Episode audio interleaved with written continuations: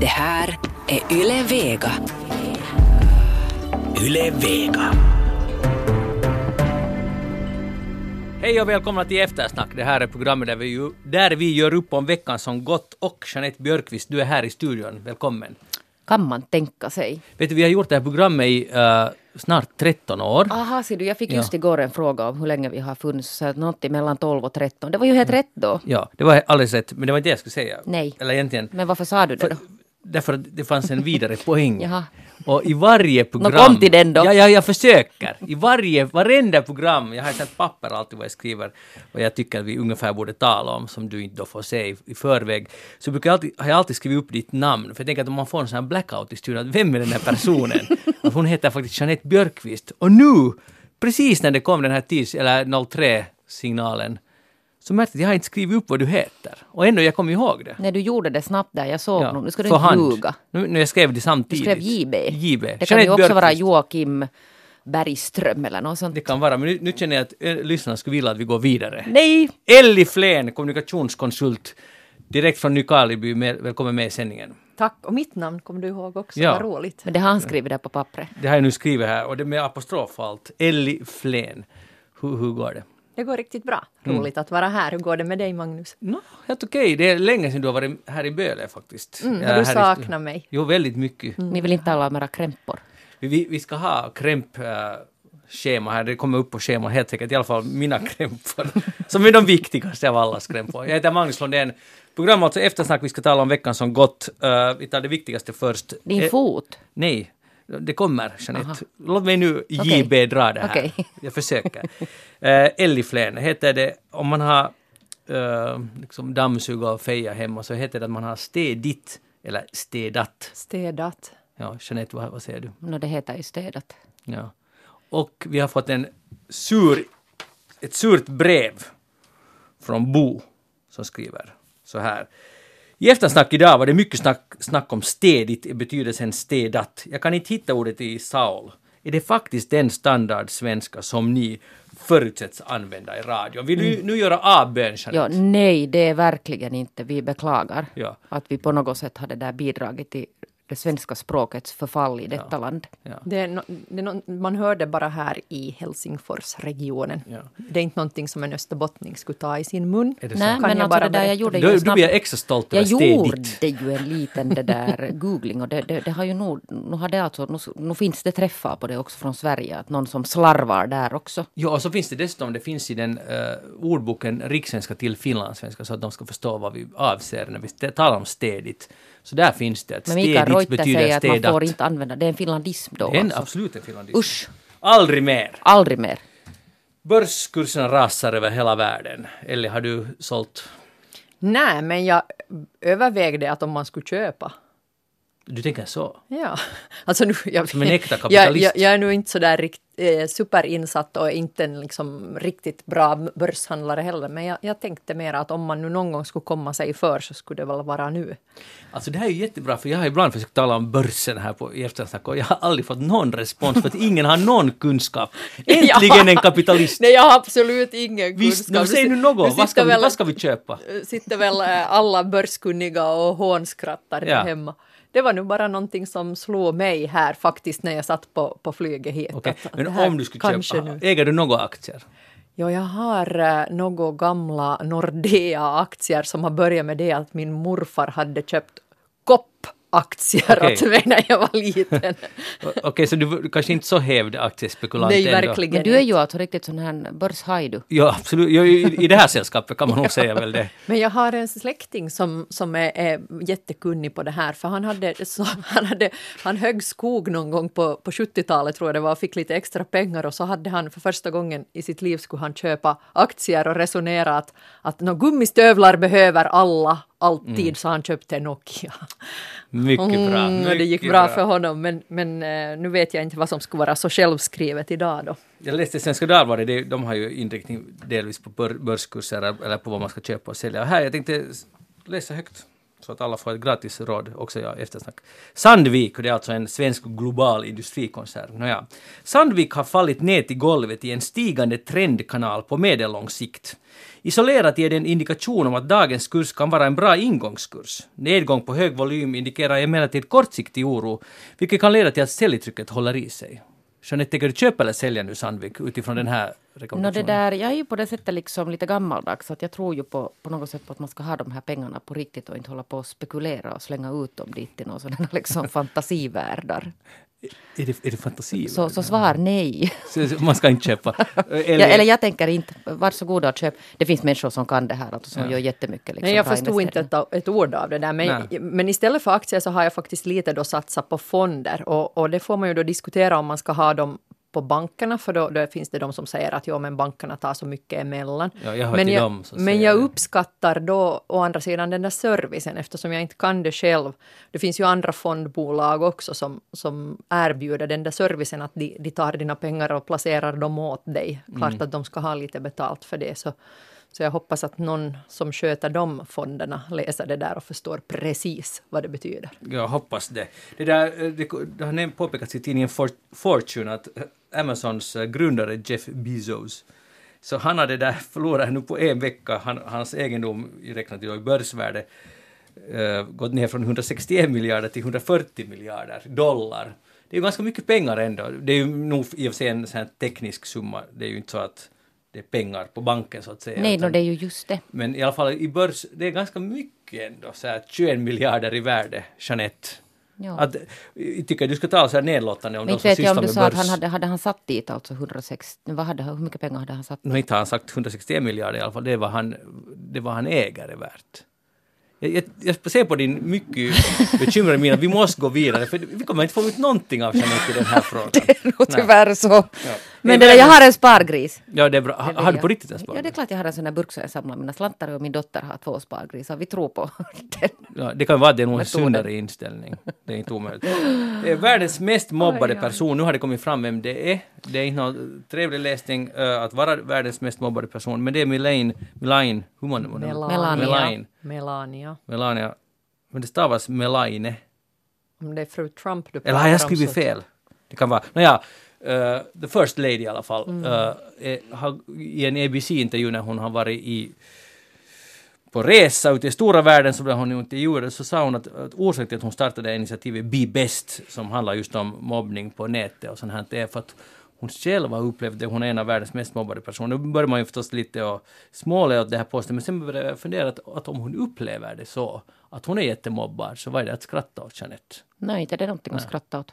det där, samtidigt, det är ganska intressant att de har lite samma retorik, man och fru.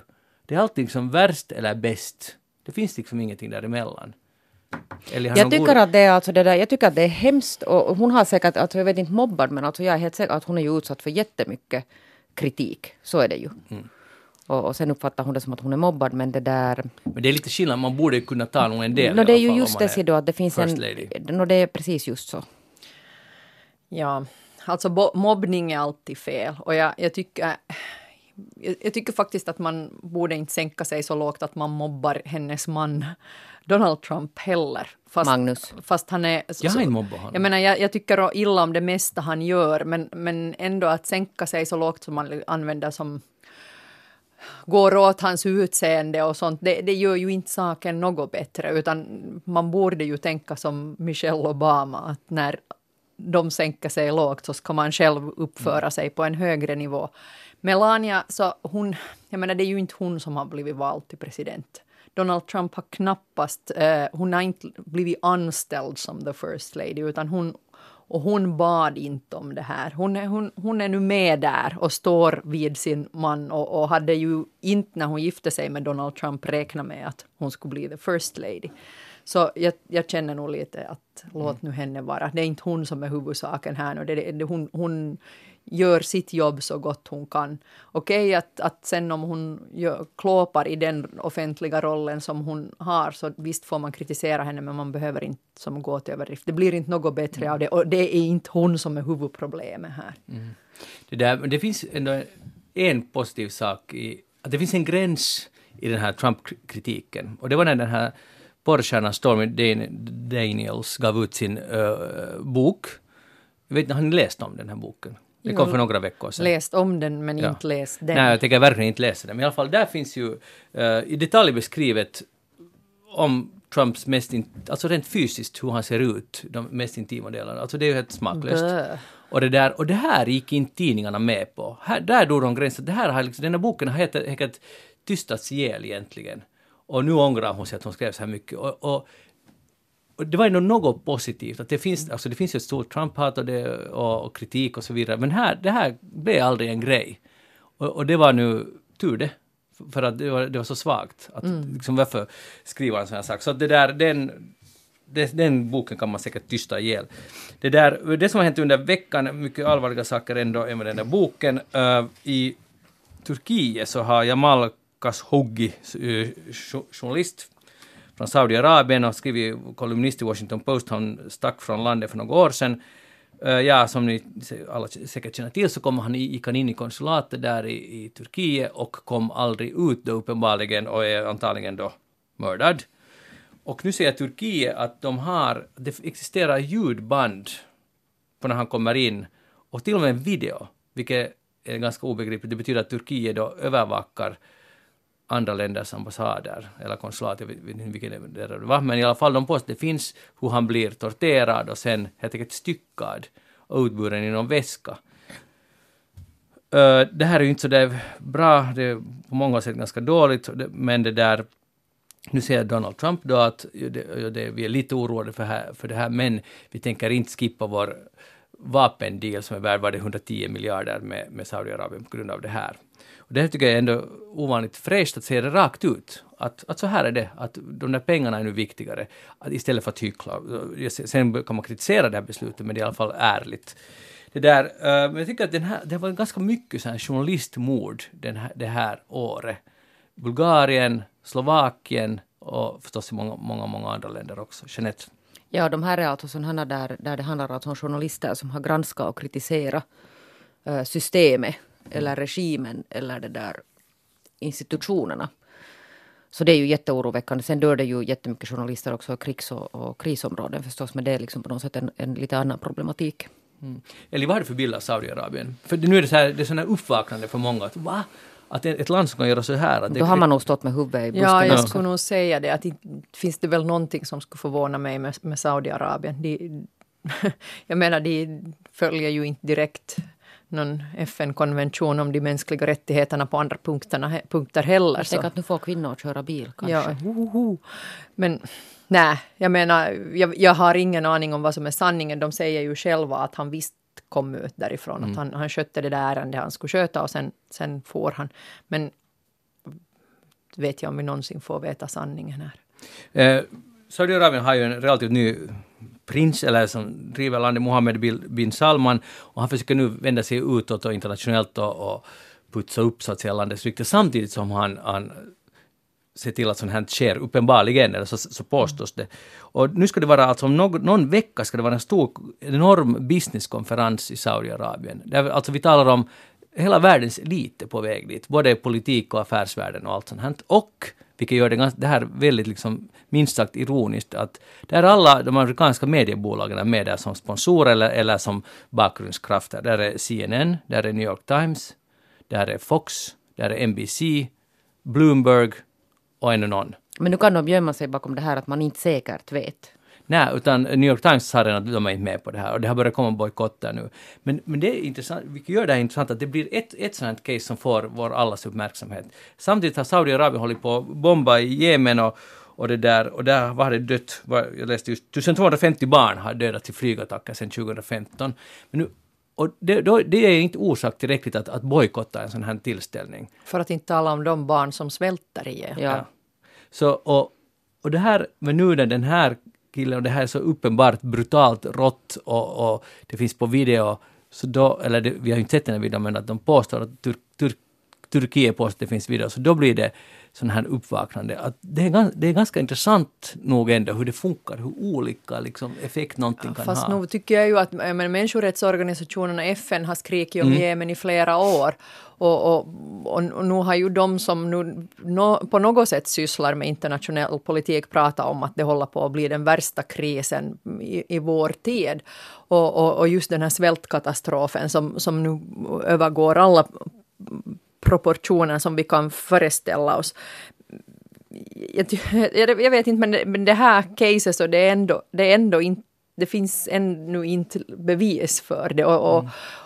Saudiarabien är ju problematiskt därför att de har så fruktansvärt mycket fyrk. Så det finns ju jättemycket eh, businessmöjligheter där. Finland säljer också dit stuff. Jag menar patriavagnar eh, Patria-vagnar och, och, och allt som... Och det finns många finländare som jobbar där och många finländska företag som bygger infrastruktur och vad de nu har haft för, för företagsmöjligheter där. Så det, det är ju nog jätte, jätteknepigt när man inte får dit dem.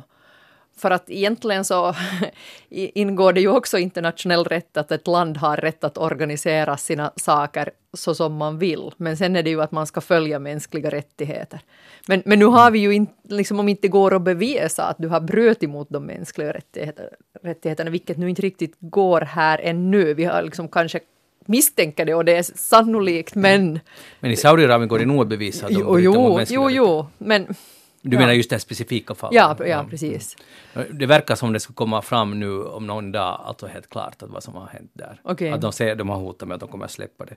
Men, men ja, det, du har rätt, att det är just det här som är problemet, att det finns så mycket pengar där. Mm. Och, och vad beror det på? Jo, det finns olja och att vi alla är så beroende av den där oljan. Mm. Så, så i förlängningen, så det måste bli ett slut på att, att vi är så beroende Mm. av olja, att det, det leder till att ett sånt här land kan ha så enormt inflytande. Och just den här finans, eller den här businesskonferensen Vision 2030, som ut, där tanken är att Saudiarabien ska också hitta på annat än olja. Och alla, alltså alla stora, eller många stora tyska eh, multinationella bolag, alla är där. Och alla medier är där som är kritiska mot Saudiarabien annars, men de är där sen ändå och lite sponsrar och, och med och, och diskuterar och skickar sina bästa typer dit. Det är ett extremt stort hyckleri.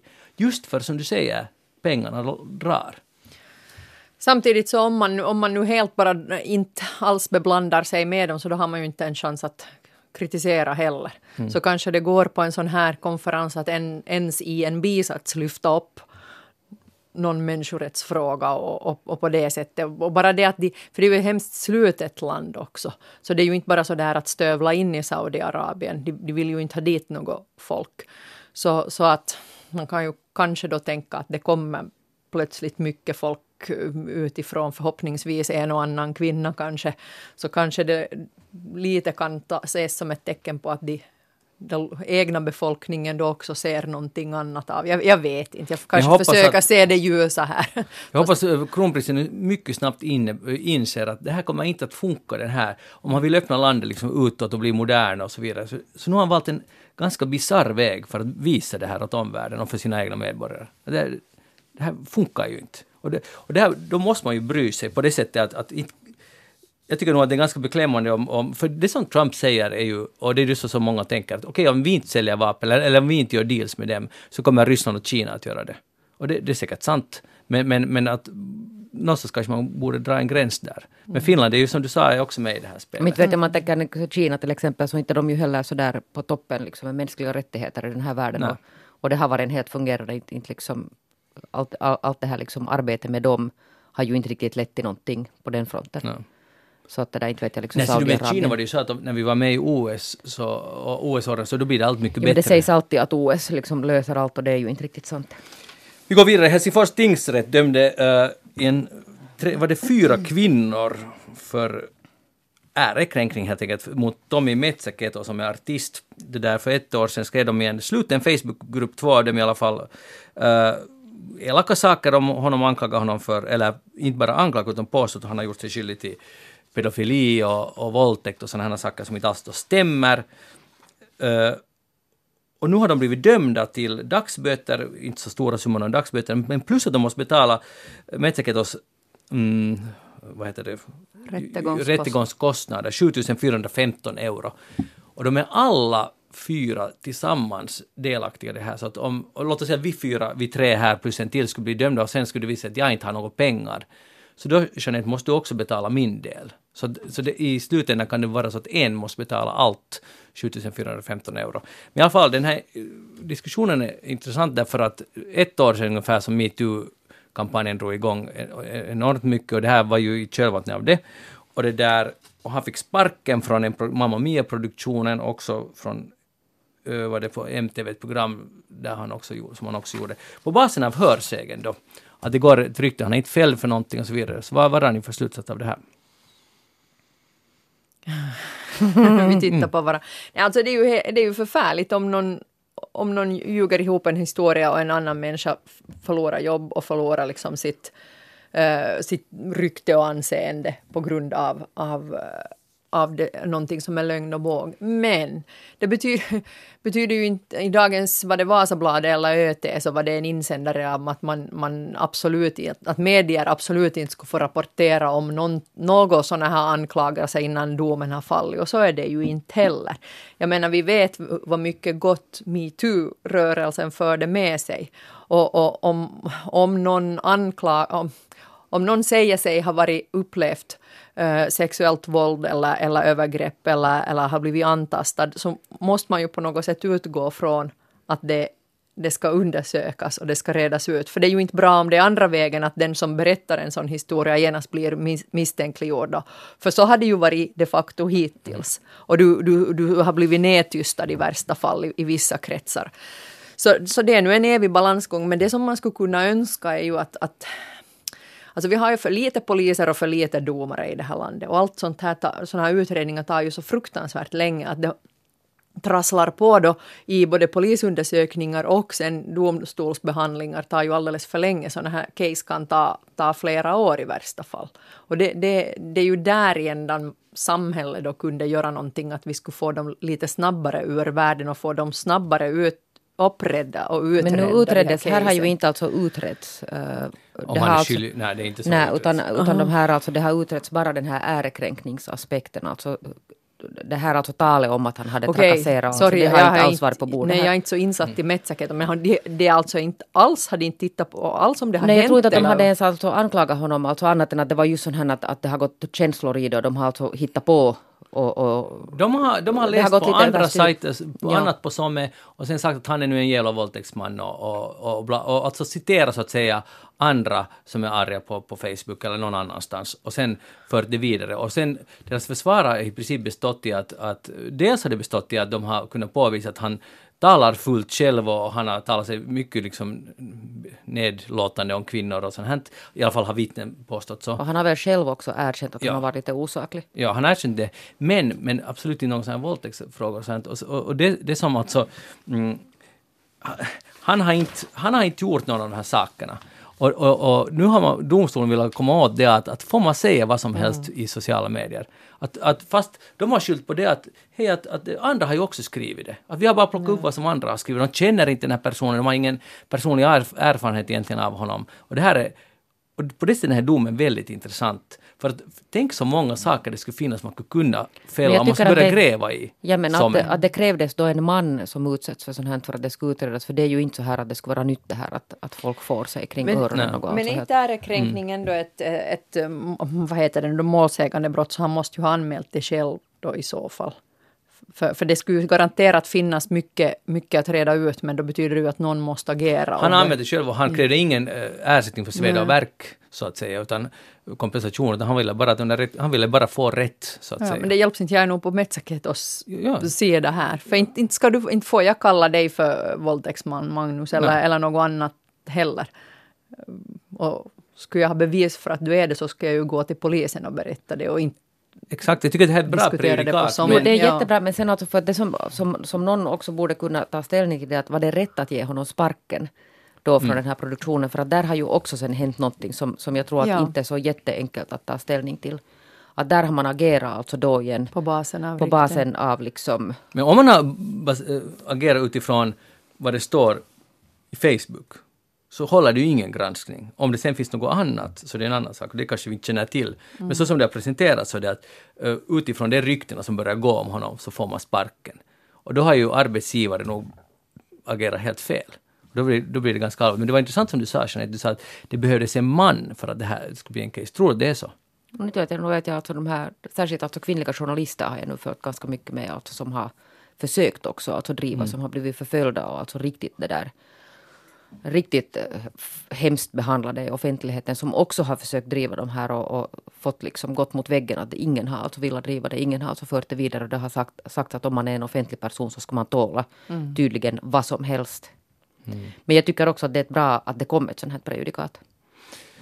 Ja, det är nog ganska intressant. Det där, eh, du, du är ju kon- kommunikationskonsult, Elli Flen. Mm. Jag var med, uppträdde med, eller Staffan Brun uppträdde jag intervjuade honom på Akademen här i Helsingfors. Okej. och om hans nyaste bok som handlade om, till stor del om HBL och konstsamfundet och, och han är ganska kritisk. Så kom vi in på det här med konsulter, att, att de har haft ganska mycket konsulter där på konstsamfundet och olika tidningsreformer hit och dit. Nåja, sen spann vi lite vidare och, eller Staffan Brun sa att ja, det, det gick säkert flera miljoner till de här konsulterna. Du har Jeanette kanske någon gång träffat någon av de här konsulterna? Jag har sett dem svepa förbi ganska många av dem. Jag var alltså inte en av Nej, dem. absolut inte. Nej. Men sen började vi fundera på att nu skulle det behövas, nu är det nya tider, det, det konstsamfundet har ny ledning och, och, och det finns liksom nya typer som skulle kunna gå ut med något nytt budskap, att nu gör vi saker på nytt sätt. Och då började jag tänka på dig bara, för vi funderade att det skulle behövas någon vad skulle du ge för råd till, konst, till konstsamfundet nu? Skulle du kunna säga att nu, vi glömmer allt det där gamla, vi gjorde fel och nu går, ser vi positivt framåt. Vad ska de här nya ledningarna... för de har tigit ihjäl Staffan Bruns bok som har ganska häftig kritik mot konstsamfundet. Oj, och hur ska man tackla nu det här? missar jag ju en gyllene chans här att göra reklam för mitt, mitt hantverk. Men jag har ju inte varken läst nu då Staffan Bröns bok eller, eller sett uh, djup, uh, gjort någon djupdykning i konstsamfundets agerande. Mm. Men får jag ge mitt telefonnummer så får du ju jättegärna ringa åt mig. Så, nej. alltså jag, jag om man, i ett sådär, så pass invecklat case, Magnus, så man kan inte ge liksom skaka ur ärmen, eller man kan, men då är man, en är dålig, då är man en dålig konsult, utan man måste ju verkligen sätta sig ner och sätta några dagar på att, att titta igenom var vi är. Men ibland så funkar det faktiskt bäst att tiga ihjäl saker, ja. Tror du det är en medveten strategi? Ja, Det har jag ingen aning om. Men eh, jag vet inte. Ehm, Staffan Brun är ännu en person med ganska många olika kanaler så jag skulle kanske kunna tro att tiga ihjäl kan vara en bra strategi för det är ingen vits att börja ta någon boxningsmatch med honom för han kommer alltid svara i något elakt satirprogram på radion eller liknande. Men, men det är ny ledning. Ser ni det, det, är- det är så självklart hur man skulle kunna lösa det här. Man bara Men då borde Ja, de men alltså varför är ställning inte till- du konsult själv Men då, då om du har en självklar lösning? Ja. Ta ställning till sina föregångares det är just det. agerande. Det skulle, vara, det skulle vara lite fräscht. Och det ska vara fräscht och det kommer knappast att hända känner Det jag. brukar inte stärka varumärket att skälla ut den gamla Men ledningen Taxell är heller. borta, Kaj Gustav Berg är borta, nu är det, nu är det nya tider. No, där finns en del alltså ännu kvar på vissa centrala poster som har varit med nog om den här förra. Men mitt telefonnummer Svepet. finns på min hemsida. Ring gärna så kommer jag Men över. alltså de får bara ringa om du så- säger att de ska driva den här, den här Alltså, tänker, jag tänker så här, jag som alltså då inte är konsult, men jag tänker så här att som du säger så är det ju så att Staffan Brun har ju kanaler. Ja. Och det liksom, den, den pågår den här, den fortsätter. Han sitter på akademin nu den här veckan och det liksom på något sätt, han sitter säkert på bokmässan också på ganska många ställen. Att det där att, att jag tror nu inte riktigt på det där med att tiga ihjäl för att, för att i något skede så blir Men hur det... länge tror du att han så får blir det- hålla på och prata då? No, Tills någon säger länge- någonting, alltså det, vad är det här för? Det här är ju Svenskfinland. Hej, vi tigger nu ihjäl det här, vänta Ja, tills men det alltså här för det är lilla den där för problemet att, ska gå för att jag kan säga så där alltså om jag försöker lite titta på det utifrån, vilket är svårt eftersom jag liksom är ganska nära kopplad till det här. Men det där, i något skede blir det märkligt att, att de här föremålen för den här kritiken liksom inte säger någonting. Så blir det lite konstigt faktiskt. Hälsningar bara. Men med all hus. respekt nu, men hur länge tror ni att, att, att eh, vi, vi lyssnare, tittare, läsare orkar bry oss då? Jag menar, speciellt nu vi som inte läser Husis så där jättemycket. Det är ju, Den som bryr sig menar- om Svenskfinland ska bry sig om Vasabladet, bry sig om Husis hemskt mycket tycker jag. Okej. För det är ju en, en ganska samlande institution. Att det värsta om man inte bryr sig, det, det tycker jag, då är det ganska problematiskt. Och den som Ja. bryr sig till exempel om regiontidningarna som skrotades i den här fantastiska alltså omvälvningen. Okej. Du, du, Du sitta på mig jätteanklagande, nu ska jag känna mig superdålig. Nej, som du ska försvara, du ska säga Men varför du, jag skulle har fel. säkert, men du skulle säkert också vilja att, att Svenskfinland engagerar sig om någonting skulle hända med Vasabladet som jag helt som Magnus håller med om att det är Jo, jo. jätte, jätteviktig Jo, alltså. jag, jag gör det, men samtidigt har jag också begränsat med tid. Och då, då är det liksom, ska jag sätta det då på att läsa en bok, analysera det mottagande den har fått, analysera det. Jag menar, det, det, det kommer nya skandaler, det kommer nya saker att fundera på. Allting går framåt. Så jag, vad jag menar är att det där tiga ihjäl funkar ibland. Det är ingenting som jag rekommenderar, och jag vet inte om det är den strategin de har. Och det är inget jag Sällan jag rekommenderar det, men ibland så funkar det faktiskt. Eh, det funkar inte för ett företag som ska fortsätta sin verksamhet och vill fortsätta sälja sin produkt eller, eller ska gå vidare, men för en bok att bemöta kritik i en bok som inte fortsätter, det är inte en återkommande veckovis Men, men. Elli, du, Ja. du, sa ju något, du, du sa ju redan ditt råd, du sa att det här, ty, ti, att tiga funkar inte för ett företag som vill fortsätta sälja sin produkt. Och man skulle ju ändå tro att konstsamfundet vill att någon köper deras tidning. Det skulle vara nog bra för svenskarna och för dem också, och för alla. Det jag gjorde nu var ju just det jag sa att jag inte skulle göra, att utan bakgrundsinformation Yes, borde man inte det försöka säga det någonting. Det, jag är så stolt. Elli Flen säger sagt, alltså... ri- ring Konsum- mig! Nej, Elli Flen säger att tiga funkar inte om man vill sälja en produkt. Tack! Jeanette Björkqvist, vad har du tänkt på den här veckan? Nu hörde jag det där ramla över en, en text i DN som jag vill att ni, att ni ska nu ta till er och så ska ni det där riktigt fundera på vad det här riktigt handlar om. Det var nämligen en rubrik på att, att det där Huddingehallen som alltså då tydligen är någon simhall i, i Stockholm så har nu infört eh, från den här månaden ett förbud mot alla former av skärmar. Alltså telefoner, eh, sådana här bärbara, sådana här eh, iPad-plattor i alltså simhallen. Och orsaken är det att det, där, att det har hänt en massa incidenter där föräldrarna sitter med näsan fast i skärmen. Och så händer något med barnen. Att de glömmer bort att titta på sina barn och barnen råkar illa ut alltså i bassängen för att man på något sätt tänker att jag kan sitta här och titta på min telefon. Och, och sen håller barn på att drunkna. Jag tror att det var för några år sedan så hade ett barn faktiskt drunknat. Och mamman blev ju till och med dömd i Sverige för det här i en simhall. Uh, sen frågar de den här, den här Svenska Livräddningssällskapets äh, representant Malin Stockhaus att hur har de här föräldrarna då reagerat? Och det står nu att man får inte hämta med sig skärmar. Om man kommer in till simhallen med sitt barn så måste man titta på sitt barn istället för att det där surfa på plattor. Äh, och hon säger att det har nu varit en del som har, har förstått det här och tyckt att det är helt positivt. Och andra har blivit jätteirriterade och då sa hon att det där, att man kan ju ta liksom en irriterad förälder om man tänker att ett barn slipper drunkna för den skull. Och det är på något sätt vet ni att, att det här är tiderna vi lever i. Att det där simhallar måste ge order åt föräldrar att de inte får ta telefoner och skärmar med sig. Att nu är det ju märkvärdigt. Vi har på vår skolport så står det också. Det är en sån här stor alltså sån här förbudsskylt där det står att du är på väg till, ditt, till dagens viktigaste möte. Att sätt bort telefonen. Förstår ni att det handlar om vuxna människor, det handlar alltså om föräldrar. Ja, vuxna är de nya barnen. No, Alltså, verkligen. det är ju så det... Och sen sitter vuxna liksom och jamsar och, och tramsar om ungdomarna. Ungdomarna bara sitter där med skärmen. Så att herregud, att, att så, här, så här ser samhället ut. Att samhället måste förbjuda människor att ta med sina telefoner och plattor. Det är ju helt galet. Det är nog väldigt eh, typiskt nog för tiden, det kan man väl nog säga. Det, är ganska intressant den där tanken också att Att det inte sitter i ditt eget huvud liksom. det är speciellt det där skolmötet, jag kan nog förstå att man, om man går sitter där en och en halv timme, alltså vänta nu, är är det när, när barnen är i någon simskola Jo. eller? Nej, men När de kan är och simmar. Jo, jo. Men alltså, är man med, varför är man inte med och simmar med dem? Eller No, hur menar säkert för du? att det är någon simskola som pågår där, alltså någon sån här simlärare. Och sen är föräldrarna med det. Inte vet jag hur det fungerar i Sverige, men så här är det alltså. Okej, Eller det sen ju- går man dit och tänker så att barnen kan simma för sig själva där. Och det handlar alltså om Ja. barn som inte kan simma. Ja. Men eh, det, rädd, åtminstone någon räddningstjänst här i Finland hade en sån här kampanj i somras. Jag kommer inte på vad den där hashtaggen var, men det var kanske någon sån här näminut eller katsominua eller, eller något sånt som handlade om just det där samma och de hade gjort en ganska sån här skickligt gjord och ganska uppseendeväckande video om just en, var det då en mamma eller en pappa som satt på stranden och, och läste på telefonen och, och, och, och barnet föll och föll under vågorna och, och, och så här. Och de drunknar ju tyst de där Ja, barnen. de gör ju det. Så, så jag tycker det är, det är jätteviktigt och just i somras när mycket folk hängde på stränder så, så är det ju lätt Men det var ju hänt. badvakter som talade, och det talade de om här också, att simhallspersonalen, att, att föräldrarna på något sätt räknar med att de håller uppsikt Ja. över barnen. Inte de ju alltså där för att, för att vara barnvakter, där är ju massor Nej. med barn. Men om vi Ja. granskar det här kritiskt, kan det faktiskt vara så att vuxna har blivit, att de bryr sig mindre? Är det möjligt? Alltså, Alltså, inte vet jag om de inte bryr eller de bara inte förstår att förståndet har tappats någonstans men där men på vägen. kan, kan, kan det faktiskt gå till så att förståndet försvinner? No, tydligen. Eller vad är det som har hänt? Inte tror jag att det är alltså, vet du, påhitteri det här. Nej, det finns tror jag alltså inte en alls. orsak till att man gör det här. Men jag bara försöker fundera, för att vi är ju inte dumma. Det, är ju det, här, det talar ju till människor i vår ålder. Inte är vi ju dummare än, än en tidigare generation.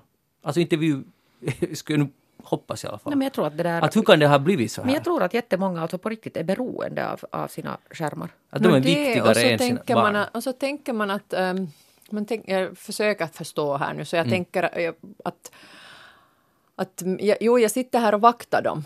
Men, men jag liksom kan läsa nyheterna på telefonen Mm. samtidigt som jag vaktar. För Men det, det- är så jätteviktigt Ja. att hela tiden sitta och vara uppåt. Eller, eller ja, om man nu sitter där en, och de simmar en timme och, och, och så här. Men, men man tänker inte efter hur man uppslukas av det där, den där grunkan man har och det där att man, att man nej, vi är inte såna goda multitaskare så vi skulle kunna märka samtidigt som ett barn då skulle hålla på att drunkna speciellt eftersom det är just precis som Jeanette säger att, att folk drunknar ju tysta. Det är inte så att man skriker på hjälp just före man drunknar utan man är tyst. Men alltså kronisk rastlöshet, nu är det ju det, alltså man tror att man måste vara någon annanstans. Nu är det det som det också handlar om, att, och, och hur det har blivit så. Och det, det är ju intressant för att jag läste just en undersökning, en bok som utkom kanske i fjol, men som vi nu läste om, där det står att man försöker undersöka, det är ju all, allmänt känt att ungdomen, i alla fall i Norden och tydligen också i England, dricker mycket mindre alkohol nu för tiden än tidigare. Och det är ju positivt i sig, om man tar det som en enskild händelse. Men nu har man börjat forska, vad, vad är det som har hänt? När började det hända? Och, och så är det en forskare eller en författare som kommer fram till att det började hända 0, 2007. Både i USA, England och i Norden. Uh, när smarttelefonen kom så gick, började det också gå ner, alltså både droger och alkohol och istället kom psykisk ohälsa mycket starkare fram. Alltså det, liksom, det har bara bubblat upp på ett annat sätt. Men det dricks mycket mindre, man har mycket mindre, eller inte mycket mindre, men en, en relativt mycket mindre uh, alkoholproblem bland ungdomen. Så är det det alternativen vi har. Antingen Ja. är vi i fyllon eller så är vi, är vi psykfall. Det, det, ja, alltså det, är- det är den slutsatsen, hur hemskt det än låter, så det är det Ja. vad de kommer fram till. Och där, det, det, den skriver så här roligt, den här artikeln, den var i Guardian, den här artikeln, att vad är det för fel på ungdomar som inte dricker? Men det är just det Men- att, att, att det ju, om man säger så, så låter det ju jätteprovokativt. Det är ju bra att de inte dricker. Men, vet sen att, det- att psykiska ohälsan blir mycket starkare. Det är inte nå länge sedan så var det en artikel i, i Österbottens tidning från, från vad det nu Stadshotellet i Jakobstad eller, eller vad, vad, vad det nu var för, någon nattklubb i Jakobstad som hade jättedålig lönsamhet. Och, och, och den här krögaren sa just att folk sitter hemma, hemma och tittar på Netflix på, på, på iPaden, att inte kom, går folk på krog mer. Förstår ni vad det kommer att innebära? Alltså det innebär ju att vi blir mycket mindre sociala varelser. Alltså det här att man man måste face väl face. kunna vara social någon annanstans än på nattklubben Jo också. förstås, men jag menar, det här är ju ett symptom på det. Ja.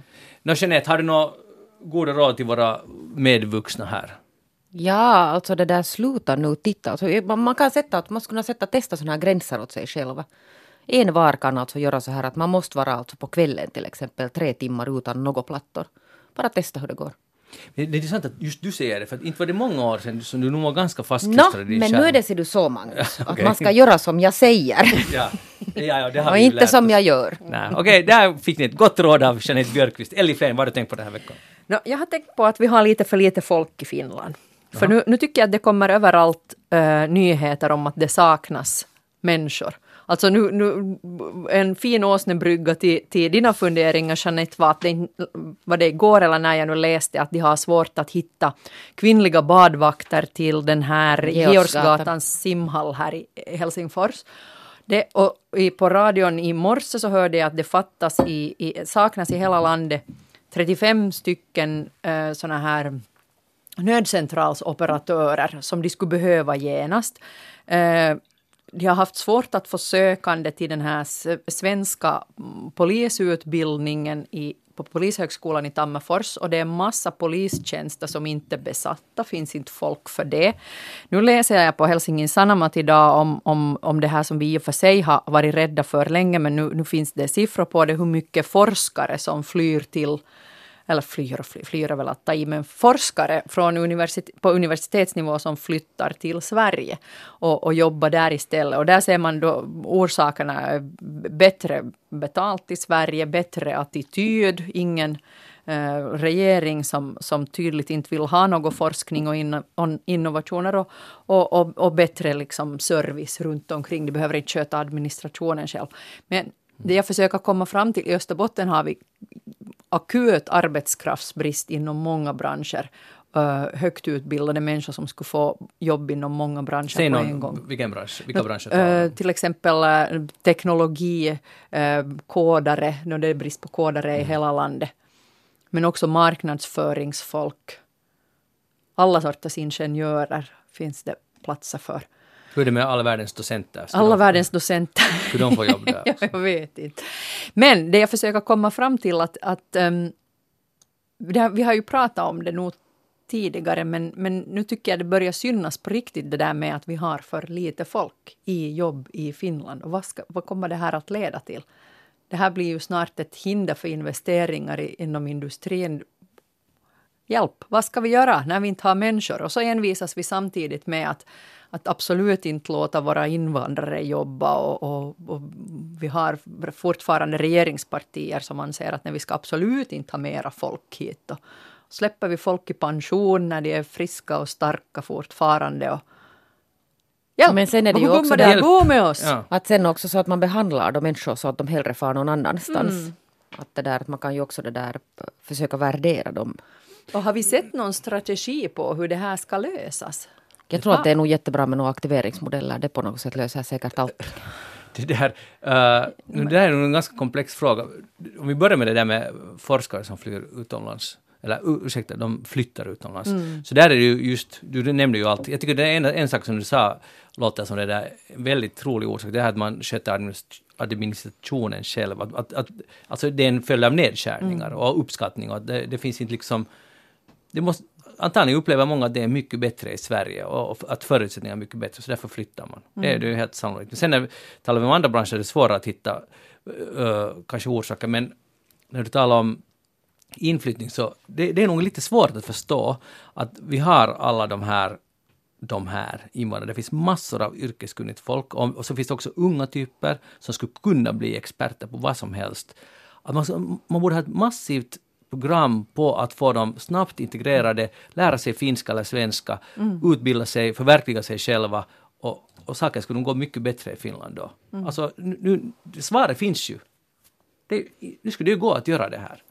Och istället, som du sa, så, så, så, så låter vi dem vänta och de får inte jobba och, och man gör allt man kan för att det ska bara vara jobbigt. Och, jag har ganska, relativt mycket erfarenhet av, av, av anställa sådana i olika projekt. Mm. Och de är alla totalt frustrerade över, över den byråkratin och hur svårt det är och hur allting bromsas och stoppas mm. från myndigheternas sida. Liksom det är som om de ska vara på något sätt dumma i huvudet. Att de behandlas så, att de är små barn och de har...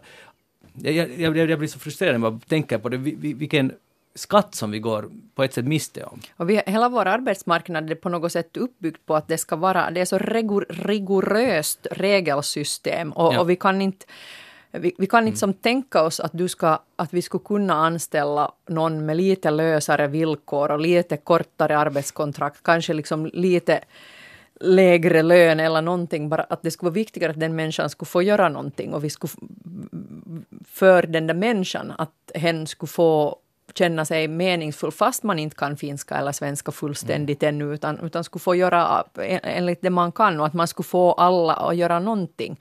Också våra egna, jag menar men, men, det där är nog problematiskt för om, man börjar tänka att det ska vara olika nivå. Att om man är invandrare så ska, så ska man kunna finnas en lägre minimilön och sånt. Så det blir ganska invandrare svårt. Invandrare eller, eller van, helt vanlig finländare som har varit jag vet inte, som av en eller orsak, annan orsak inte kan arbeta fulltid eller kan ge som full prestation, men att du skulle kunna göra då någonting och få vara ens lite med i arbetslivet mm. istället för att helt vara borta.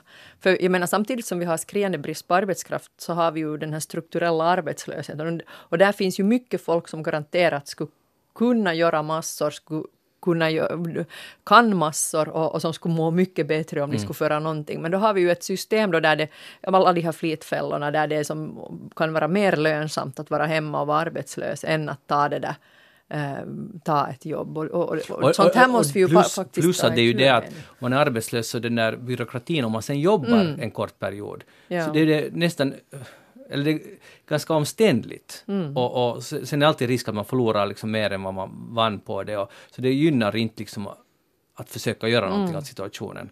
Och, och all, allt det här som måste fyllas i. Och sen är man övervakad. Alltså det, är ju ganska, det kan vara ganska förnedrande att vara arbetslös om man lyfter arbetslöshetsersättning. Så, så det, det är nog mycket som är... Men det är ju inte så enkelt heller mer med den här aktiveringsmodellen. Nej, nej. Har jag förstått. Det är just det, all, allt det här. Jeanette, men har du någon... Elin ropar här på hjälp. Vad tänker du göra åt saken? Vad, Vad tänker du göra som har ett företag? Mm, ja. Ska du anställa någon nu? Jag har gjort det. Och behandla dem bra? Har du det? Så ja. att de inte får till Sverige? Vi har anställt en kille från, alltså vi har ju anställt finländare men också en, en heter, från Afghanistan. Ah, ja. Och nu är det ju bra, nu funkar det. Alltså nu är det ju, alltså inte ska man ju säga att, inte är det ju så att det går från första dagen perfekt och det gör ingenting man inte kan språket, så nu är det ju struligt. Alltså mm. det, det, är helt mm. klart. Men det ger också jättemycket. Ja, det var jag hade det där själv tänkt på, att, att det verkar liksom saknas den här, eller nu säger jag så där generaliserat, det är säkert inte sant, det finns säkert förståelse på något håll. Men det här just med de här språkkunskaperna, att man ska vara så fruktansvärt alltså felfri och sen verkar det inte riktigt finnas det här värdet i att många av de här människorna till exempel talar andra språk som på mm. många sätt kan alltså gynna mm. det här företaget. Jag menar talar man till exempel något kinesiska, jag tror att kineserna kanske har lättare att bli anställda men, men talar man nu till exempel arabiska så är det en mm. jättebra tillgång. Mm. Nog att så ha. är vi ju fruktansvärt svartsjuka med våra olika examina också. Att du skulle inte komma hit med någon Nej. utländsk examen av någon form och tro att du får får ett jobb som kräver den kompetensen. Att vi är ju nog som i många branscher också väldigt måna om att våra egna examina är bäst. Och ibland ja. så godkänner vi ju inte ens olika inom landet som det var med de här, var det nu sociologerna eller vad det var som det dög bara om man hade gått på SOS och kom.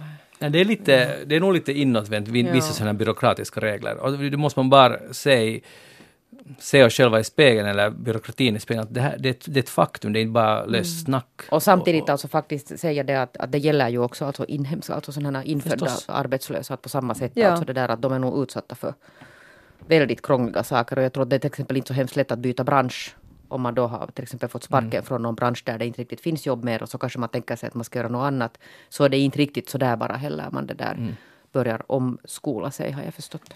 Men Finland har också en god profil utåt för att nu eller i somras kom ju ut Miska Rantanens bok Kalsari Kännit, som nu har då lyckligtvis översatts till engelska och på gång är det enligt SETS-förlaget, alltså Kustantamo SETS, det vill säga en del av SETS, så uh, ska den översättas till 13 olika språk.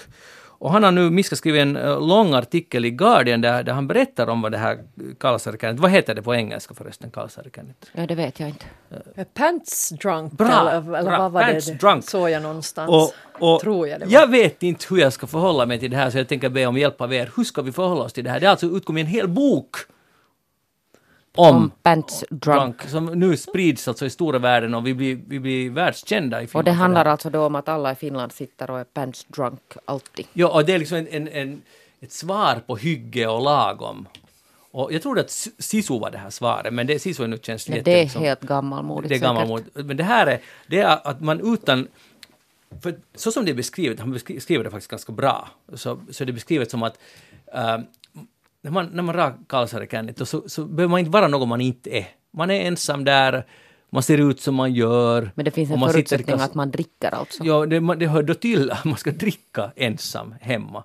Och det framställs som något positivt. Jag har alltid tänkt att det är liksom då, då håller det på att slira li, lite om man sitter i kalsongerna och drar en fylla ensam. Men nu är det alltså något positivt. Okej, okay. och sen kommer då jättemassa länder nu att tänka att jaha, att Finland är det där landet. Ja. Förr var vi det här sisulandet och nu är vi det här landet där alla sitter hemma ensamma mm. och dricker. Men blir du sur på det, på det här?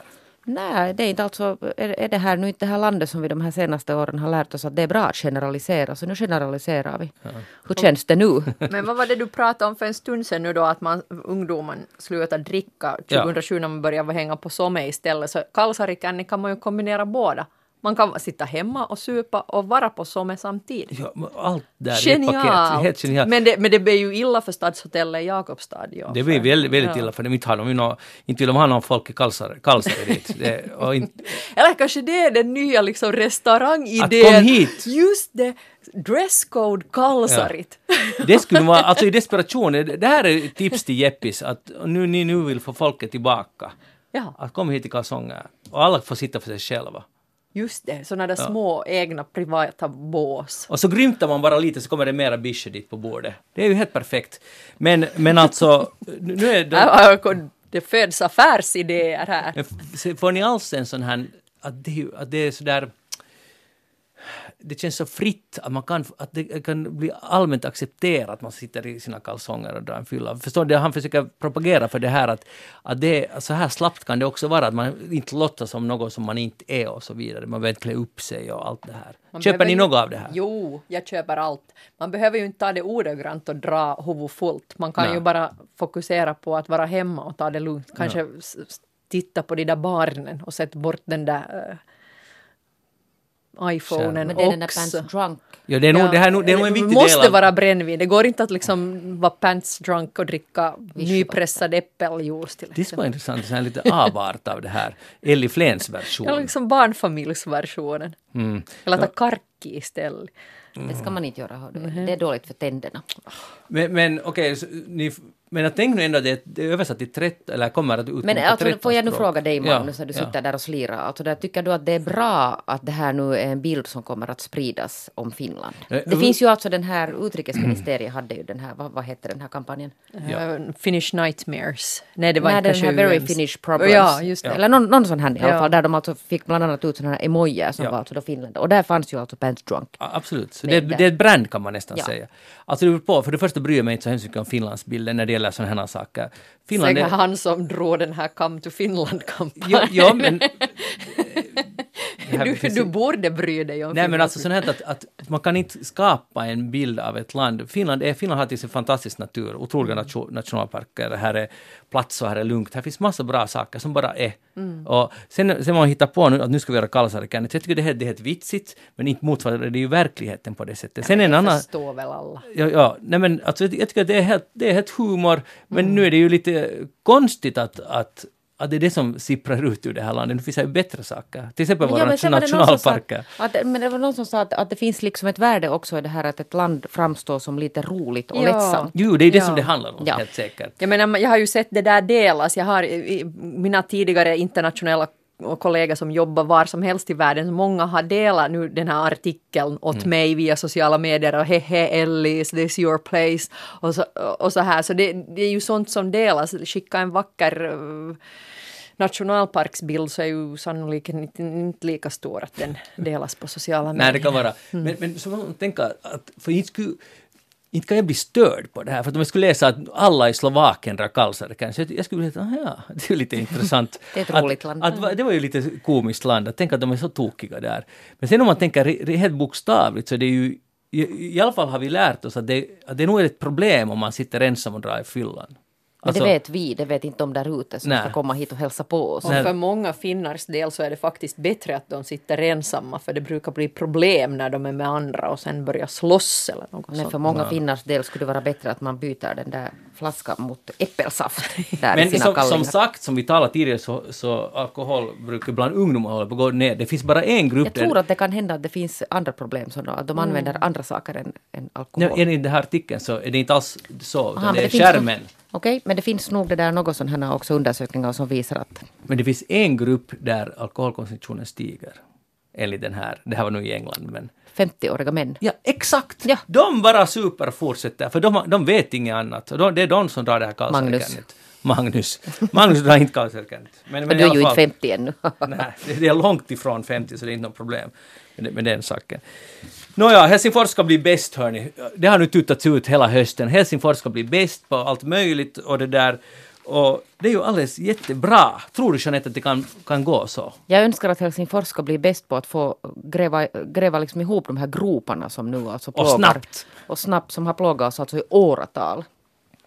Jo, jo, alltså det här är nu ett lokalt problem, förlåt Elli, men alltså, den här staden, Det är ändå en huvudstad. det är, en- det är en huvudstad. Det kan beröra mig Ja. också. Mm. Men allt är ju helt upp och ner, alltså just när det gäller Väg. vägarbeten. Och det kan jag nog aldrig, för det är lite som, det finns två saker i den stan som är, som är de stora, alltså inom situationstecken stora problem. Det att man hela tiden vill göra om spårvagnsrutterna för att det finns inte några tjänstemän som aldrig har bott i Helsingfors tidigare som bara bestämmer nu måste vi göra allt om för det har inte, vi har inte gjort dem på de senaste två åren någonting, så nu gör vi det på nytt. Och det andra, att vi gräver, gräver upp gatan och sen stänger vi den och sen gräver vi upp den på nytt och två månader senare för det, det var nu bara så att vi måste göra det. Och sen gräver vi upp allt på en gång. Det Ja. är också viktigt. Eller- Så groparna gapar tomma. Kan du lugna oss nu lite med lite österbottniskt Ni får lugn? komma och benchmarka till Nykabi. Där har vi en deal mellan stan och kraftverket att när ni gräver så ser ni till att den andra vet så att vi gräver allt på en gång Just och sådär. sätter ner alla rör och kablar på en Mm. Funkar gång. det? Det funkar hur fint som helst. Kom till Nykabi, där har vi löst det här. Dit skickar vi nu någon sån här tjänstemän från Helsingfors.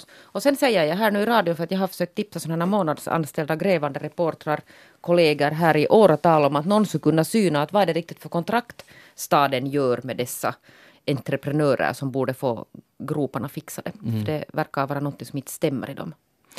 Det var en lyssnare som undrade att, att hur går det riktigt med, med killen som simmar över uh, Ben LeComte som simmar från Japan till, till Kalifornien, som vi har, jag har talat om honom i eftersnack, han är min stora idol då.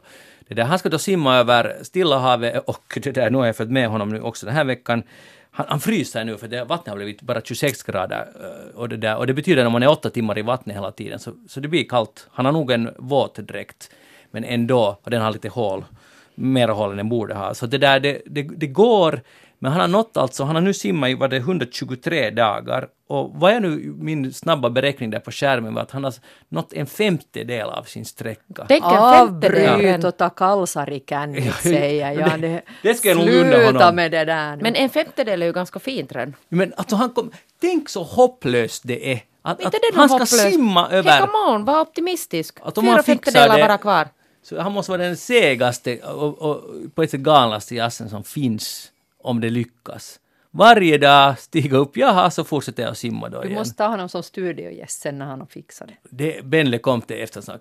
Extra sändning två timmar. Ja, han får fast dra det här programmet för min del. Det skulle vara berätta om sina eskapader. Vi har alltså ingenting att sätta upp mot den här killen. Följ med honom på benlecomte.com. Jag får inga pengar för att, för att eh, göra reklam för honom, utan jag är bara fascinerad av den mänskliga segheten. Som är nog, det är nog imponerande. Jeanette, du, är du alls imponerad? Är jätteimponerad. Ellie? jo, men jag skulle ändå skicka den där kalsarikan Ja. i boken åt honom. Bara som ett sådant vänligt Det tips. skulle vara ganska bra idé. Jeanette Björkqvist, tack för att du var med i Eftersnack idag.